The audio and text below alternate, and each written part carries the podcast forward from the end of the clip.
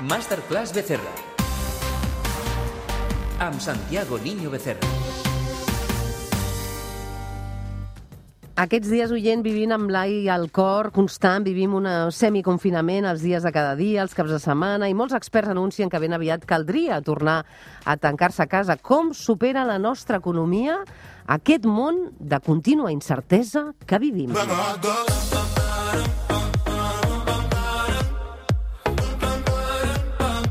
Com sempre, un plaer escoltar el Santiago Niño Becerra. Bona nit, què tal? Què tal, Chantal? Bona nit, bona nit. Comencem nova masterclass econòmica i Santiago, abans t'he de felicitar perquè el teu llibre Capitalismo 1679-2065 és a les llistes dels més venuts. Això vol dir que hi ha molta preocupació pel que ens espera, Santiago. Bueno, sí, jo, la, de, de fet, la, la darrera part del llibre és, és parlar del que està passant i les previsions que, eh, vull dir, podem, podem, podem veure, no? És a dir, que això no serà ni ràpid ni lent, la sortida d'aquesta situació. El, el virus, ja com, hem, com ja hem comentat, és a dir, ha sigut un accelerador de coses que vindrien, des, de, des del teletreball a l'ús massiu de tecnologia, passant per la concentració del capital, eh, etc etc. Això ja acabaria arribant. El que passa és que el virus, evidentment, ho ha accelerat. Mm, això, això quina implicació té? Bueno, això té, la implicació que té és que ja d'alguna forma estem veient el model que vindrà després com serà. És a dir, un model mm, eh, amb més desigualtat, eh, una, una caiguda de la importància de l'Estat, eh, gran poder de les grans corporacions. Eh, llavors que aquí, aquí evidentment, Espanya queda, queda molt feble, no? Uh -huh. queda molt, molt tocada perquè, perquè bueno, és, l'economia espanyola és de baix valor afegit i baixa productivitat. Clar, fa uns dies el doctor Josep Basselga anunciava que ens espera un hivern terrible, però diu un estiu més o menys normal perquè ja haurà arribat la vacuna. Santiago, tu creus que, que tornarem realment a ser com érem abans de la pandèmia? Eh, I el que deia el doctor Josep Basselga, esperem que, bé, que pugui ser així. Bueno, a veure, jo no sóc viròleg, eh, no tinc ni idea si la vacuna... Una, clar, quan parlem de vacuna, eh, parlem d'una vacuna ja utilitzable i eh, d'accés massiu.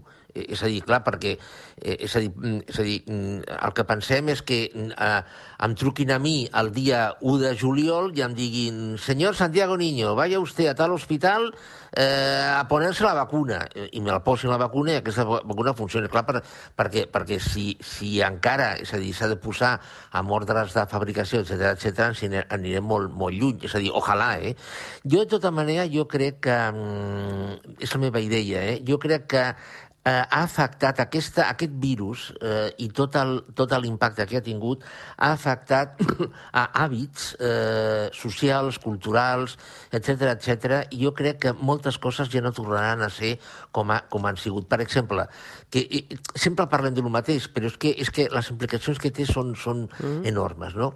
El treball a distància, el teletreball. És a dir, a, això és a dir, eh, s'han fet estudis a Espanya, que Espanya, estem parlant d'Espanya, eh, no estem parlant de Països Baixos. A Espanya, el 50% de la població mm, que eh, treballa podia treballar a distància, o total o parcialment. Clar, l'impacte que té això, a nivell social, a nivell econòmic, petites compres, eh, eh, mm, eh, eh, consums de bars, restaurants, etc etc, això canvia radicalment. O sigui, canvia radicalment. I, si, i, i clar, això, eh, que el, el teletreball mm, es generalitzi, eh, o, o, o si més no, que mm, s'incrementi moltíssim, això, una vegada superi el virus, tinguem vacuna, etc etc, això continuarà. Veurem què passa amb el teletreball. Avui vull parlar d'un sector que no pot teletreballar i vull començar també aquesta secció amb una trucada amb una persona que ho està passant malament, ella i el seu col·lectiu professional. N'he parlat al començament del programa. Núria Soteres, bona nit. Hola, bona nit. La Núria té un ah. centre d'estètica que aquests dies ha de tancar per la pandèmia i com ella, moltíssimes persones més. Eh? Per això us heu ajuntat amb la campanya SOS Estètica. Diuen que al sector només hi ha hagut un 0,03% dels contagis. Per tant, us dic, com esteu ara mateix? L'estètica és segura? Quants professionals esteu afectats? Sí, la veritat és que, bueno, primerament, moltes gràcies per convidar-nos avui al vostre programa. Jo vull parlar en nom de totes les esteticistes de Catalunya I sí, la veritat és que no entenem res, vull dir, no entenem res perquè nosaltres hem ratificat aquestes dades i per tant creiem que és molt injust. És molt injust i durant el confinament nosaltres vam estar preparant, eh, parlant amb sanitaris i especialistes i fins i tot vam col·laborar amb una guia higiènica sanitària val, de seguretat, tant pels nostres clients com pels nostres treballadors. Aquesta guia la va crear Estampa, que és l'Associació Nacional de Perruqueria i Estètica, i fins i tot ha estat utilitzada a nivell europeu.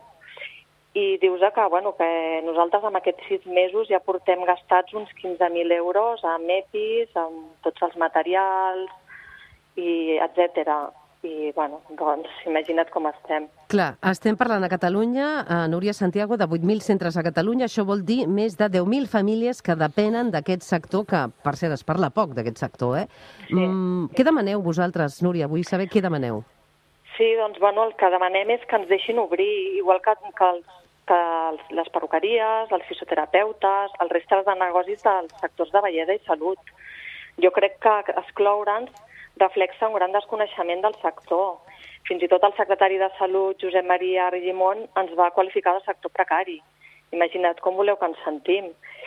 I, i de sector no essencial. I jo crec que som un sector essencial perquè treballem amb asèptica oncològica, fent tractaments de gent que està fent quimioteràpia, pal·liant aquests efectes secundaris, fem també tractaments eh, postoperatoris després de cirurgies, o sigui que és molt essencial. També essencial perquè ens ve gent gran que es vol fer la pedicura. Essencial Clar. doncs per, mm, bueno, perquè portem benestar als nostres clients, que crec que en aquests moments actuals és molt necessari. Molt bé. I crec que també és molt injust que, que nosaltres no puguem donar aquest servei i, i que després puguis anar a una clínica de medicina estètica a punxar-te un botox, a posar-te llavis. Vull dir, ho trobem molt injust, això. Molt bé. Gràcies, Núria, pel teu testimoni. Espero que es trobi una solució. Eh, Santiago, vull que opinis sobre aquest sector també de les eleccions americanes. Vull parlar. Què li diries, què diries a la Núria, Santiago?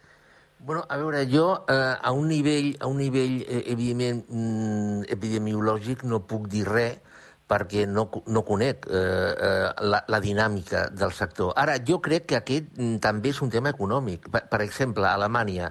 A Alemanya el govern li pot dir a un sector "Mm, aquest sector que ha tancat i automàticament l'ajut eh, arriba al 70% del, de la facturació. Uh -huh. Clar, és una situació bastant diferent de la que es dona a Espanya, no? Per què Alemanya pot fer això? Alemanya pot fer això perquè és un país que té reserves i Espanya és un país que no té reserves i s'ha d'endeutar. Llavors, al final, el, el problema... Eh, eh, clar, evidentment, el 70% no és el 100%, eh, per descomptat, però no, no és el mateix el 70% que, bueno, que a, a veure què, què, què traiem, no? Les eleccions americanes, a veure, jo, mm, jo, jo el que veig és que bueno, ja, ja han tingut lloc les eleccions americanes. Que la, quina valoració fas des del punt de vista econòmic, no? Sí, sí, sí. Eh, a, a veure, jo, jo el que veig és que mm, mm, a, a finals de- de- d'octubre, abans de les eleccions, i ara, després de les eleccions, els problemes mm, que tenen els Estats Units, els problemes econòmics, continuen sent els mateixos.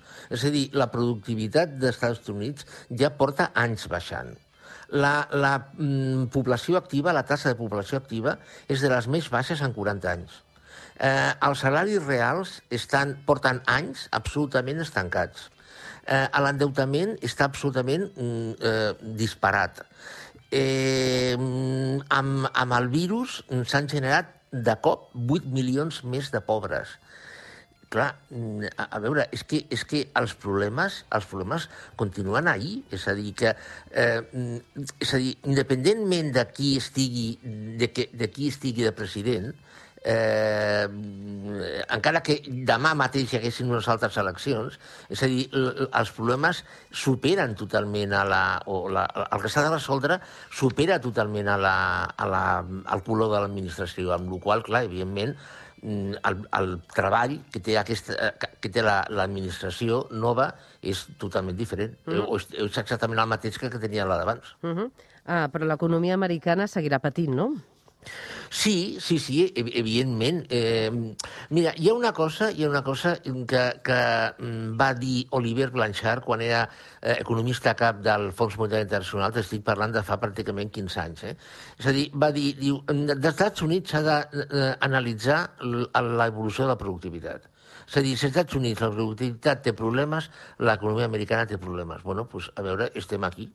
Eh, a més, l'avantatge als Estats Units és que fins ara, fins ara almenys, la resta del món li ha permès tot, als Estats Units. Li ha permès que imprimeixi la quantitat de dòlars que li convenia, eh, li ha comprat tota la deuta que emitia, etc etc. Llavors, clar, els Estats Units mm, està visquent mm, de, de la resta del món. Uh -huh. eh, I perquè la resta del món li convé, cuidado, eh? eh però, bueno, la, la realitat és aquesta. Clar.